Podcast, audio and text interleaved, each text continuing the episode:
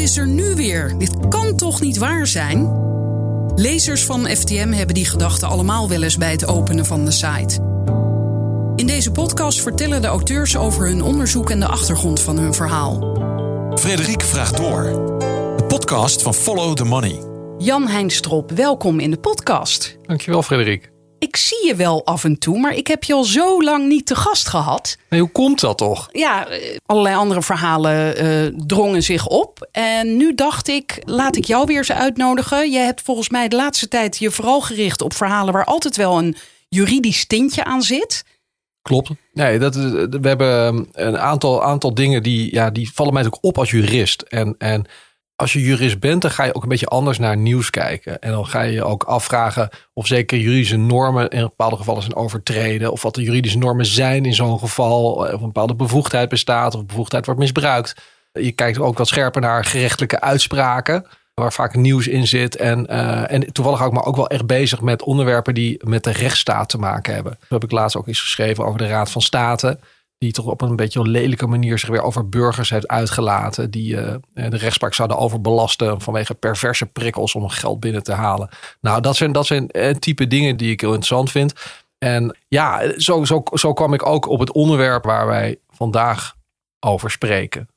De titel van jouw stuk is Onderzoek naar oud-Kamervoorzitter Kadisha Ariep is onzorgvuldig en niet onafhankelijk. En dat staat dan tussen aanhalingstekens. Dus dat is niet jouw mening. Maar je hebt een aantal hoogleraren gesproken, ook voor dit stuk. Maar eerst even, ik moest als buitenstaander even denken... oh ja, dat onderzoek dat loopt nog. Hoe, hoe is het daarmee? Ja, dat, vroeg ik mij dus ook af. Omdat het was gestart ergens vorig jaar. Ik geloof, meen ik, eind oktober. Nou, dat meen ik niet, dat weet ik. Dat is zo. En eh, daar was heel veel ophef over. Wat was er ook weer met Ariep aan de hand? Met, eh, ja, wat dat, nou gaan we al eh, natuurlijk heel snel het hele verhaal in. Maar om even kort eh, even de punt af te maken. Is dat, dat, dat er heel veel ophef was dus in eind oktober. Over de hele kwestie. Begin november ook nog in de Kamer. Vanwege de manier hoe dit is gegaan. En daarna werd het gewoon dood en doodstil. Hè, dus niemand hoorde er nog wat van. Terwijl ja, er, er werd gewoon achter de schermen flink onderzoek gedaan. Maar daar, ja, daar kwam niets over naar buiten. Terwijl het onderzoek, volgens de offerte van de firma Hofman, die dat onderzoek verricht, eh, zou dat onderzoek enkele maanden in beslag nemen. Dus dan had het eigenlijk ergens in het voorjaar zo ongeveer af moeten zijn. Ja. Hè, maar nu in de maand juli of eh, eind juni, toen ik eh, daarmee aan de gang ging, toen was er nog steeds helemaal niks bekend. Nou, en het gaat nu, kan ik alvast natuurlijk zeggen, nog langer duren. Dus dit, het wordt over het zomerreces heen getild. Ja, dat zal dan ergens in het najaar hopelijk zijn afgerond. En dit stuk past voor jou weer in een, zo staat althans in dit artikel, in een nieuw dossier waar dit deel 1 van is. Ja, want ik was al gestuurd op dat hele fenomeen extern onderzoek. Eh, In Nederland is er echt een soort industrietje ontstaan van onderzoek op bestelling. Eh, En dat, dat kan bij allerlei soorten partijen, ook allerlei commerciële partijen. En zo had ik een aantal maanden geleden was ik gestuurd op een onderzoek naar een klokkenluider van een ziekenhuis. En die man die had geklaagd dat zijn collega-arts mensen liet sterven op de intensive care. Hmm. Een hele ernstige kwestie. Nou, nadat hij dat heeft aangekaart, is er een onderzoek ingesteld. Maar dat onderzoek dat ging dus niet naar de verrichtingen van die arts die die mensen liet doodgaan. Maar die ging vervolgens over de klokkenluider zelf. En die klokkenluider werd volstrekt zwart gemaakt in dat onderzoek. Die zou zich hebben schuldig gemaakt aan een schrikbewind. En eigenlijk zou hij de oorzaak zijn, andersom, van alle problemen. Nou, echt een fascinerend en malicieus onderzoek. Dat zo vooringenomen was en zo slecht uitgevoerd. Ja, dat ik echt, echt gechoqueerd was. En ja, het liet mij dus zien dat die mensen die zulke onderzoeken doen, dus ook vaak niet onafhankelijk zijn, zoals ze zelf wel beweren te zijn. En ze zijn gewoon, het zijn partijen die, die geld verdienen aan zo'n onderzoek. En die dus ook een oren laten hangen naar de opdrachtgever die hun rekeningen betaalt. Welk bureau was dit? Nou, dit was niet een bureau, dit was dus een, ehm, een soort loslopende adviseur in de zorgwereld. Die nog twee anderen had aangetrokken ad hoc voor dit onderzoek. Maar dit is dus een praktijk die in Nederland veel vaker gebeurt. Het gebeurt veel vaker dat een onderzoek, een hele, dat er een hele sturende opdracht wordt verstrekt door de opdrachtgever van het onderzoek. En dat die onderzoekers daarin meegaan en dus ja, eigenlijk de conclusies opleveren waar de, ja, die de opdrachtgever eh, wenst te hebben. Nou ja, dat kan dus hele nare gevolgen hebben voor zo'n klokkenluider bijvoorbeeld, die ja, compleet is zwart gemaakt. En levens worden echt kapot gemaakt hè, door dit door type onderzoek. En toen ik dat onderzoek deed naar dat onderzoek, het onderzoek naar dat onderzoek, toen stuitte ik dus ook op, ja, op de juridische kanten van de zaak. Want in de civielrechtelijke uh, rechtspraak, er zijn natuurlijk mensen die naar de rechter stappen en die zeggen, ja jongens, dat kan echt niet. Ik, ik, zo kan ik niet behandeld worden. Er is geen goed wederhoor met mij geweest. Ik ben niet goed geïnformeerd. Hier worden allerlei uh, bochten afgesneden. En het wil nog wel eens gebeuren dat de rechter dan zegt: inderdaad, dat is onzorgvuldig en dat is onrechtmatig. En dan moet u een schadevergoeding betalen. Nou, dus zo kwam ik ook op, op, die normen voor dat onderzoek. Die zijn schaars nog, maar, maar dat is wel, zo langzamerhand is dat in opkomst dus in die rechtspraak. Oké, en dit is, is dit ook gebeurd bij het onderzoek van uh, Ariep? Ik bedoel, viel jouw oog daar ook op? Nou, toen ik daar uh, lucht van kreeg en wat meer zicht kreeg op hoe het onderzoek verliep, vielen mij natuurlijk een aantal dingen op een aantal dingen die daar die, uh, dezelfde richting op lijken te gaan als het onderzoek wat ik kende van die arts naar die arts. Ja, maar nu moeten we, bedenk ik me wel even dat stapje terugmaken naar wat was er aan de hand met Ariep. Juist, daar zijn we terecht dat, dat je me daarop wijst. Daar, daar, dat is natuurlijk de, de start van alles. Is misschien wel goed ook voor de luisteraar om dat even uit te leggen. Want Khadija Ariep, die werd, uh, als ik me even goed herinner, begin juli 2022 benoemd tot voorzitter van de zogeheten tijdelijke commissie corona. Dat is een belangrijke parlementaire commissie die de parlementaire enquête naar de bestrijding van de pandemie zal voorbereiden. Nou, zij, was er, zij was dus de voorzitter van die club. Nou, dat is een echt belangrijke uh, club. Want er was natuurlijk nogal wat aan de hand met dat hele coronabeleid. Heel Nederland heeft ze ongeveer overhoop gelegen. Dus het is belangrijk dat de Kamer die verantwoordelijke politie een keer ter verantwoording roept. Nou, toen vlak daarna, na haar uh, aanstelling in die commissie, is er een anonieme brief van ambtenaren, of een ambtenaar, we weten niet wie het is, een anonieme brief bezorgd bij het presidium, dat is het dagelijks bestuur van de Tweede Kamer. En in die anonieme brief zijn hele heftige beschuldigingen geuit aan het adres van die Ariep.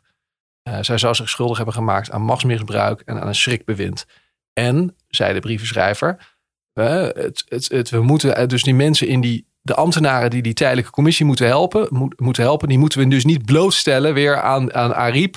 Want die gaat dan uh, allerlei schade veroorzaken. Want, en of een hele onveilige werkomgeving creëren. Nou, het was, dat was dus nogal wat, zo'n uh, zo'n beschuldiging. Forse beschuldiging, maar anoniem. Nou, toen kwam het presidium, uh, dat is het dagbestuur van de Kamer, bijeen met die topambtenaren om die brief te bespreken. Onder leiding van Vera Bergkamp dus. Hè, dus de huidige voorzitter van de Tweede Kamer. En zij hebben besloten dat er een advies moet worden gevraagd aan een landsadvocaat over wat hiermee te doen met zo'n anonieme brief. Die landsadvocaat heeft gezegd: er moet een onderzoek komen als soort werkgever. Ben je nou eenmaal verplicht om voor een veilig werkklimaat te zorgen? En dan moet je dus ook dit sociale serieus nemen. Dan moet je onderzoek naar doen. Onderzoek naar Ariep dus. Dus het was hier de Kamer die eigenlijk een onderzoek instelde naar een eigen Kamerlid. Nog nooit eerder gebeurd. Heel bijzonder. Nou, Ariep die is niet van tevoren geïnformeerd over het feit dat die anonieme brief was binnengekomen. Ze moest het geloof ik in de krant lezen. Exact. Ze is niet geïnformeerd over het feit dat er een onderzoek naar haar werd gestart. Zij moest dat op 28 september lezen. Althans lezen. Ze werd opgebeld door journalisten van NRC. En die hadden daar, die hadden daar lucht van gekregen. En die hadden ook het advies van de landsadvocaat in handen. Dus die bronnen van NRC, dat waren, dat waren geen mensen die ver van dit nieuws afstonden. Bepaald niet. En zij moesten ja, horen van die journalist. Ja, luister, we gaan morgen publiceren. Of uh, vanavond. En, er is een onderzoek naar jou uh, wordt er gestart. Want jij wordt beschuldigd van allerlei zaken. En dat is heel ernstig. En dat gaan we nu, uh, ja, dat gaan we nu als nieuws brengen. Nou, zij was natuurlijk zeer terecht, denk ik, gechoqueerd door het feit dat, dat zij dat niet gewoon netjes van tevoren te horen heeft gekregen. Maar dat zij dat dan van journalisten moet, moet, moet horen. Nou, de Kamer zelf veel fracties waren daar ook verbolgen over.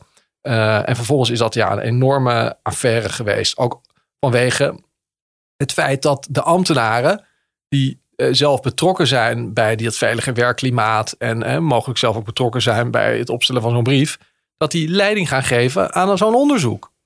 Ook heel apart. Het zogenaamde onafhankelijke onderzoek. Het zogenaamde onafhankelijke onderzoek. Dus wat gebeurde er? Vera Bergkamp die trok zich die kritiek wel aan. En heeft drie hoogleraren benoemd als zogeheten gedelegeerd opdrachtgever. Maar wel echte buitenstaanders dus. Ja, dat zijn wel echte buitenstaanders, ja. ja. Dus toen kwam het weer een beetje op de rails? Nou ja, to- toen, daarna, toen, toen eenmaal die brief eh, ergens halverwege november, nee, of december, pardon. In december is toen gecommuniceerd. Deze drie eh, hoogleraren gaan de klus eh, doen. Wij als presidium hebben verder niks meer met het onderzoek te maken. En onze ambtenaren ook niet, de ambtenaren ook niet meer. Die staan er nu buiten. Nou, en vanaf dat moment begon de stilte waar ik, waar ik het net over had. En, en werd het onderzoek, alles rondom het onderzoek, werd, eh, werd rustig. En een paar maanden later werd jij wakker geschud door, door wie? Door Ariep zelf of door andere mensen of door jezelf? Ja, wij vroegen ons natuurlijk af van ja, hoe, langzamerhand- hoe, hoe zit het daarmee? Hoe staat het daarmee? En, en ehm, ehm, ja, we zijn ook in gesprek ge- gekomen met Khadija Ariep. En Ariep, Nu zeg je we, want dat was een nou ja, delegatie. probeer het een beetje overdrachtelijk. Ik ben een ik. in gesprek Majestatis gekomen. pluralis. Zoiets, ja. nee, klopt. Ik ben in gesprek gekomen met, ehm met Khadija Ariep. En zij vertelde mij over hoe het onderzoek, althans vanuit haar ogen, verloopt. En de dingen die zij mij vertelde daarover waren zorgwekkend.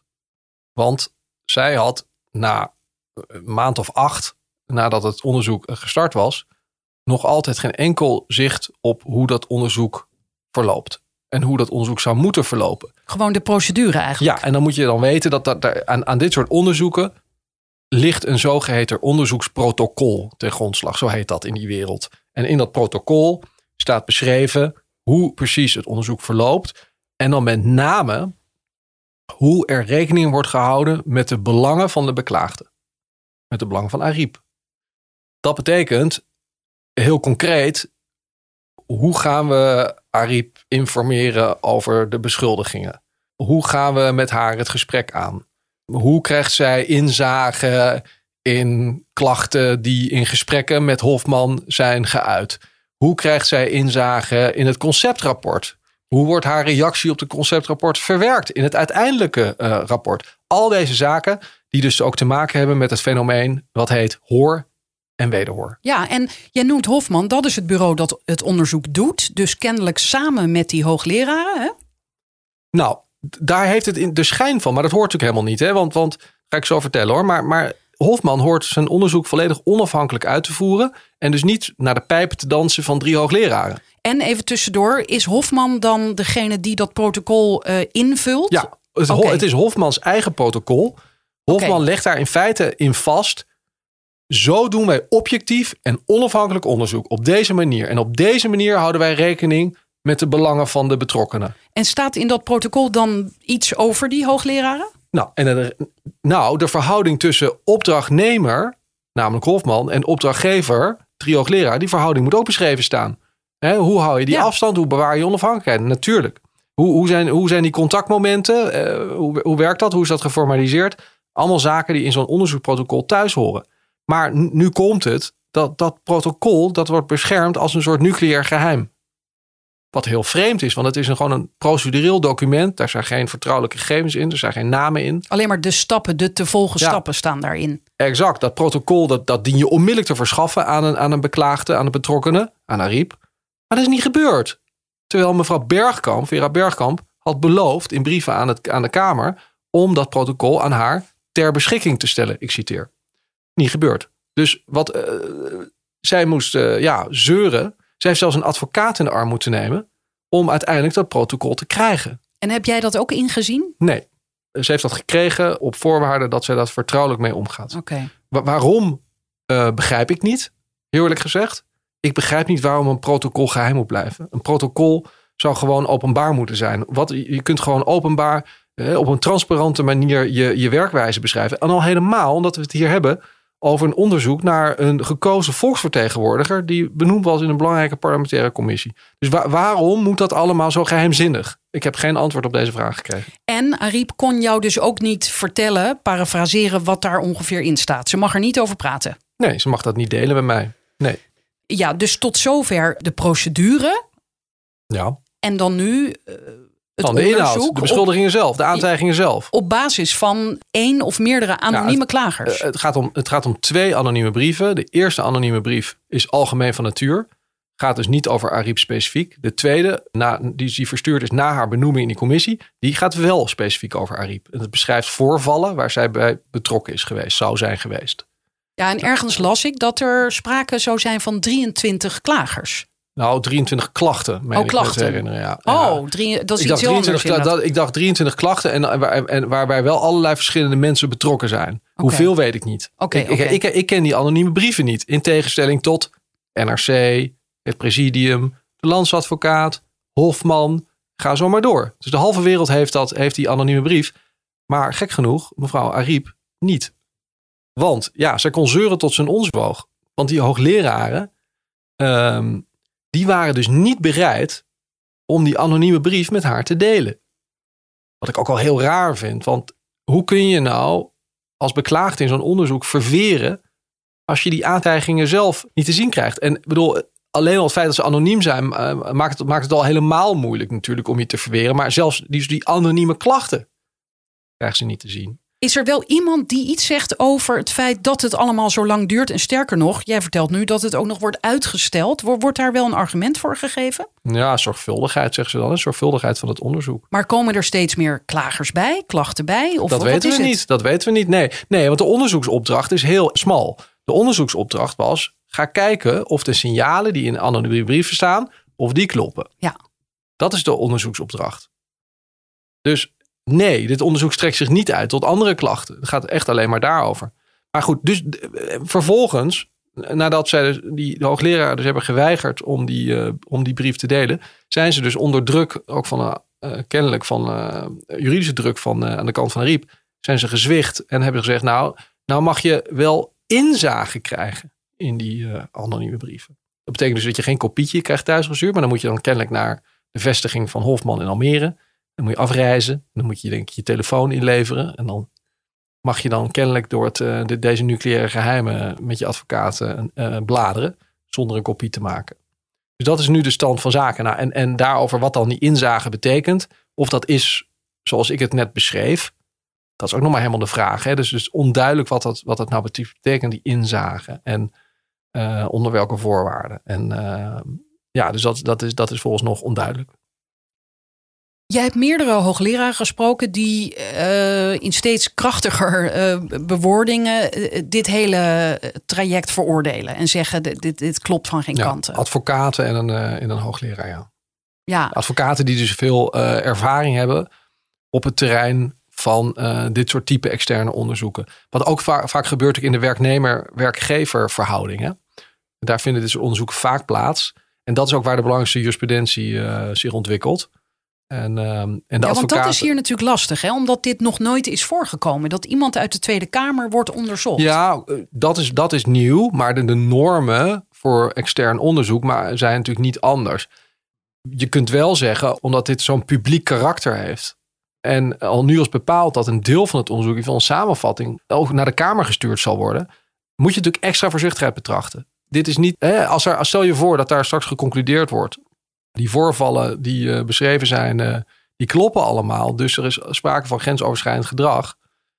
Nou, dan is dat natuurlijk nogal wat voor zo'n beklaagde. Dus, hè, dus op het moment dat je dat bekend maakt, dan moet je, je hè, dat, dat blijkt ook uit de, uit de rechtspraak, dan moet je natuurlijk extra voorzichtig zijn. Dan moet je extra rekening houden, zorgvuldig rekening houden met de belangen van de betrokkenen. De belangen van wederhoor.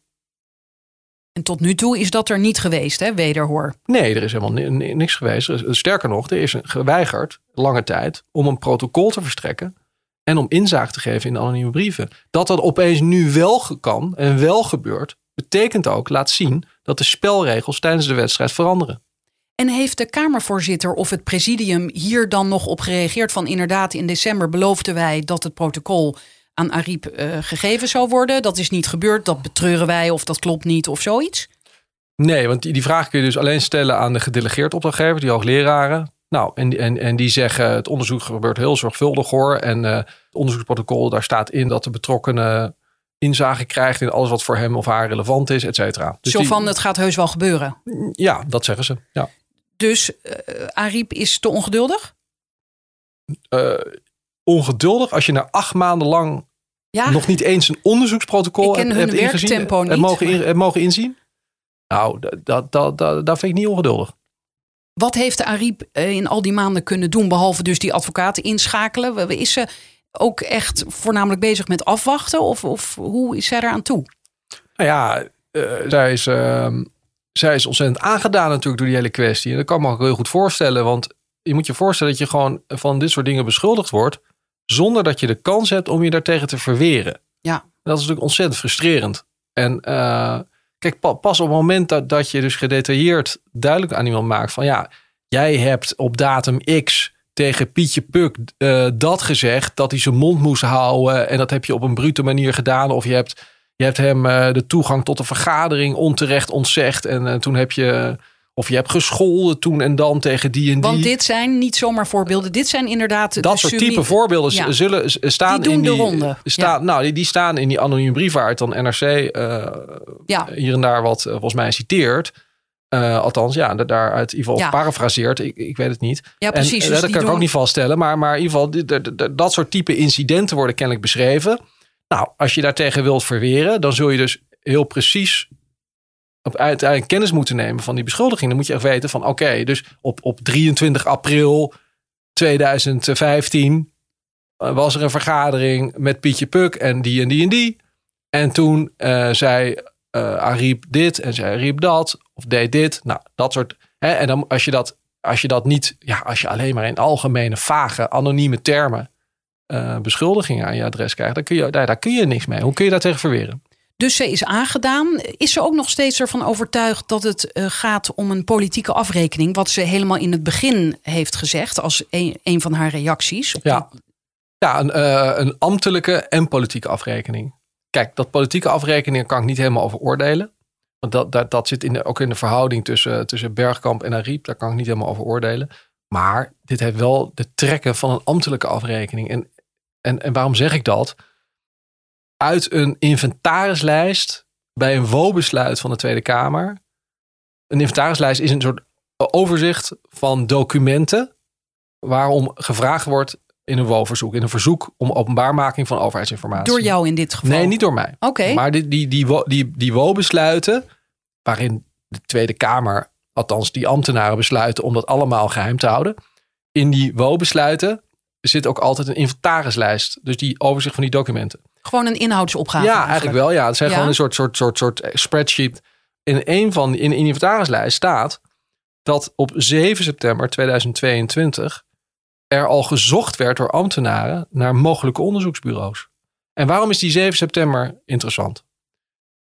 Toen het nieuws naar buiten kwam dat er een onderzoek naar Ariep kwam, op 28 september 2022, ontstond er een, twee, drie weken later een heel gedoe over binnen het presidium. Dus er werd meerdermaals over gesproken, samen met die topambtenaren die leiding geven aan die, aan die ambtelijke organisatie.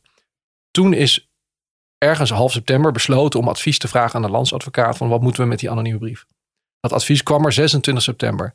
Toen is besloten op basis van het advies, waarin dus stond je moet onderzoek doen naar deze signalen, is besloten tot het instellen van het onderzoek.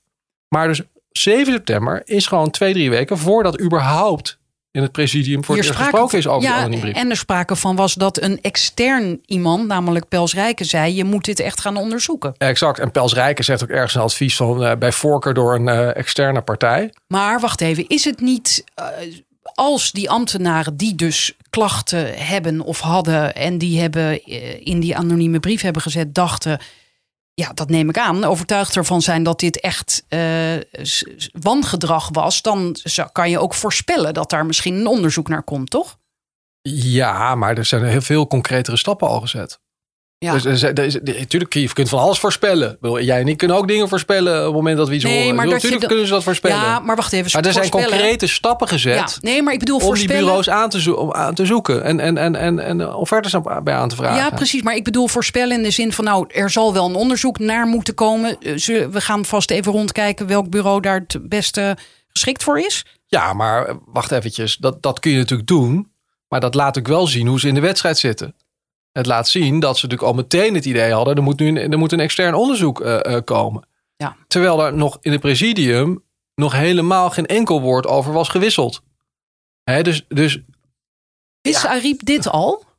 nou nee, dat heeft, dat heeft zij ook net als ik kunnen lezen... in die eh, inventarislijsten. En in jouw stuk dus? Of was Ja, we al eerder dat- bekend? Nee, nee, nee. Dat hebben, we, dat hebben we gebracht in het stuk. Dat, dat, dat dit aan de hand is. En ja, nu, nu, nu moeten we natuurlijk verder gaan kijken van ja, hoe zit dat nou? Is dit, kijk, als je op 7 september al bezig bent met het zoeken van onderzoeksbureaus, dat betekent dat je natuurlijk al ruim voor 7 september ook al bezig bent met het hele onderwerp. Dus er is vrij snel na die brief, of misschien zelfs al voor die brief, we weten het niet, is er ambtelijke activiteit geweest. Zijn ze bezig geweest met het opzetten van dit onderzoek? Hoe lastig was het voor jou om hierin zo objectief mogelijk te blijven? Waarom is dat een vraag? Of wat is Nou, omdat jij nu zegt, dit is. Hè, je, je brengt het als ja, dat kan niet anders. Gezien het feit dat ze op 7 september al op zoek gingen. Dat is gewoon een feitelijke constatering. Ze waren er gewoon mee bezig. Nee, hè? dat Dus- dat is gebeurd. Dat staat dus Ja, in die uh, vast. WO-inventaris. Ja. Maar dat je daar dan op zegt, ja, dat, dat lijkt wel erg op een inderdaad met voorbedachte raden of Ja. een afrekening. Dat weet Ja. je niet 100% zeker, toch? Nee, ik heb al gezegd, het heeft de trekker ervan. Eh, Het lijkt erop. Kijk, ik, ik, kan het niet, eh, ik kan het inderdaad niet vaststellen als feit dat het een ambtelijke afrekening is. Nee, maar ik bedoel ook dat dit natuurlijk moeilijk is. Omdat het voor jou is het ook net zo'n black box eigenlijk. Ja, ik moet het doen met de schaarse informatie die we hebben. En, en, en kleine breadcrumbs, eh, broodkruimels zoals, zoals deze. Maar in ieder geval duidelijk uit blijkt dat ze er al ruim voor die 14 september, voordat het presidium überhaupt gaat praten over dit onderwerp, ermee bezig waren. Ja, maar ook als je met een van de hoofdpersonen, in dit geval Ariep, eh, in gesprek gaat. Of zoals in het geval van die arts in dat ziekenhuis. Dan moet je natuurlijk ook altijd denken van, wacht eens even, word ik ingeschakeld door diegene Ja. om het verhaal mooier te maken dan het was? Zeker, dat is altijd iets waar je. Maar dat is, dat is altijd. Als journalist moet je altijd jezelf rekenschap van geven. Hè? Voor wiens karretje word, word ik gespannen? Wat is het belang eh, eh, van diegene? En kijk, in, in het geval van Ariep is daar natuurlijk heel weinig onduidelijkheid over. Hè? Zij, zij voelt zich onheus eh, slecht behandeld. En ik vind dat zij wel objectieve redenen heeft aangedragen. waarom er inderdaad. Waarom dat onderzoek naar haar inderdaad op onzorgvuldige manier verloopt. En je hebt meerdere experts om hun mening gevraagd. Zo is het. En zo is er een hoogleraar integriteit aan de Vrije Universiteit die je sprak. Rob van Eibergen, hij zegt bijvoorbeeld over één onderdeel van dit hele proces: het is krankzinnig dat je pas geïnformeerd wordt over een onderzoek dat tegen je loopt nadat er een onderzoek is ingesteld. Ja. En dit is maar één aspect van het hele verhaal natuurlijk. Ja, dat is een fase voorafgaand aan het, aan het, aan het onderzoek. En Dus daar, daar, daar moet je dus ook al zorgvuldig omgaan met de belangen van, eh, van iemand. En ik begrijp ook niet zo heel erg goed waarom het nou onmogelijk was voor dat presidium om met haar in gesprek te treden voordat je die opdracht tot het onderzoek geeft. Waar- waarom, waarom kan dat? Waarom is dat onmogelijk? Waarom kan dat niet? Ik, ik, ik begrijp dat niet. Ze is overdonderd. Eh, ze is bezig met inzage krijgen in de beschuldigingen, zodat ze zich kan verweren. Doet ze ook ondertussen ook nog iets anders of is ze echt lam geslagen? Nou, ze, ze, ze is volgens mij strijdvaardig. Hè? Dus dit, en dit neemt natuurlijk een, een deel van haar tijd eh, in beslag.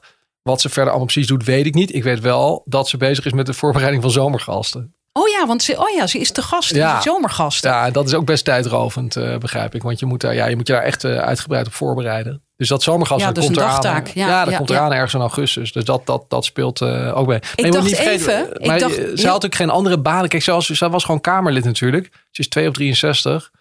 Ja, die, die, hè, dus de, dat, dat was haar baan. Dus, eh, ja, dus ik, ja, als je dan weggaat als Kamerlid, dan, eh, hè, dan, dan, ja, dan heb je. Dat was haar hoofdfunctie. Ja. Ik dacht heel even dat jij ging zeggen, ze zich aan het voorbereiden op de verkiezingen. Want zou ze daarmee bezig zijn of is ze helemaal uitge... Nou, dat, dat, dat heb ik niet gevraagd, maar ik, die, die indruk heb ik niet. Met mij, met- nee, dat, dat, ik maar denk- als straks blijkt dat, er, dat, eh, dat haar geen blaam treft of, of vrij Ja. weinig, dan zou ze misschien terug kunnen komen op de lijst van groen-rood. Ja, hoewel ik, ik, ik, ja, hoewel ik denk dat. ehm, ik weet niet hoe blij zij nog is met de Partij van de Nee. Arbeid, heel eerlijk gezegd. Nee, dat is ook Ehm, wel een punt. Maar Ik goed, bedoel, eh, laten we, laten we niet vergeten dat Henk Nijboer, fractiegenoot van Ariep destijds, die zat ook gewoon in het presidium dat hij het besluit heeft genomen. En dus Henk Nijboer heeft ook voor dat onderzoek eh, gestemd. Nou ja, dat is nogal, dat is nogal wat. En, en eh, niet even gedacht, ik bel er even op om te zeggen dat dit gaande is. Nee, ook dat niet. En, ehm, en vervolgens eh, kwam er een brief van allerlei Kamerleden met kritische vragen over dit onderzoek in de richting van het presidium. En toen heeft de eh Artje Kuiken ook besloten om die brief niet eh, mede te ondertekenen. Nou, le- lekker, lekker veel steun van je eigen fractie. hè? Dus ik, ik, ik vermoed dat die, dat die banden wat af, hoe zeg je dat? In die verhouding wat bekoeld is. Ja. Zag gezegd. Ja. Wat kan jij nog verder onderzoeken? Of sta jij nu ook met lege handen? Nou, kijk, ik helemaal niet. Want ik, ik denk dat het heel interessant is om te weten wat zich nou precies al die, al die jaren heeft afgespeeld tussen het presidium, waar natuurlijk Ariep ook jarenlang deel van heeft uitgemaakt als Kamervoorzitter, en die ambtelijke organisatie. Ik hoor wel van mensen dat er, dat er, dat er natuurlijk wel echt iets speelde achter de schermen. En er was echt allerlei gedoe en er was ook een groot conflict gaande. En uh, dus het is interessant te weten van waarom wilden ze nou zo ontzettend graag van die Ariep af en wat heeft ze nou precies gedaan. Uh, dus daar, daar zit natuurlijk echt nog. Uh, en daar doe jij nu onderzoek naar? Dus daar doen we zeker onderzoek naar. En bovendien is het interessant om te kijken: is het deze onderzoeksmethodiek van Hofman, waarin dus uh, ja, haar, haar recht op hoor en wederhoor geschonden wordt, is dat iets wat vaker gebeurt? Ja, en dat vond ik ook een interessant punt. Uh, wat volgens mij een van die experts ook zegt. Zo'n bureau als dat van Hofman valt niet onder het tuchtrecht. Dus als straks blijkt dat zij hun uh, procedure niet goed op orde hebben, dan kunnen ze daar helemaal niet op aangesproken nee, worden. Nee, je kunt alleen civielrechtelijk. Hè? Dus dan, kun je, dan moet, zou je iemand aansprakelijk moeten stellen voor onrechtmatige daad, heet dat dan. Ja, dus dat is het enige wat je kan doen. Je kunt niet. Er zijn geen specifieke tuchtrechtelijke normen, inderdaad. Bij een advocaat die, die natuurlijk zijn. Um, uh, gedragsregels uh, schendt, kun je gewoon naar de terugrechter kun je zeggen, ja, jij had dat en dat moeten doen volgens artikel dit. Nou, dat, dat is in dit geval heel lastig, want het recht op hoor en wederhoor, ja, dat staat ook niet in de wet. Hè, dat is onderdeel van de algemene zorgvuldigheidsnormen.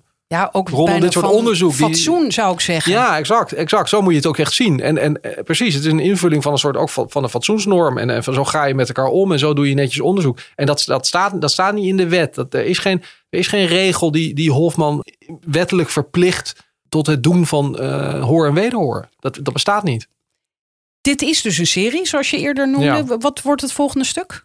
Ik denk dat we verder gaan uh, licht gaan schijnen, laten schijnen op de, de werkwijze van uh, de firma Hofman.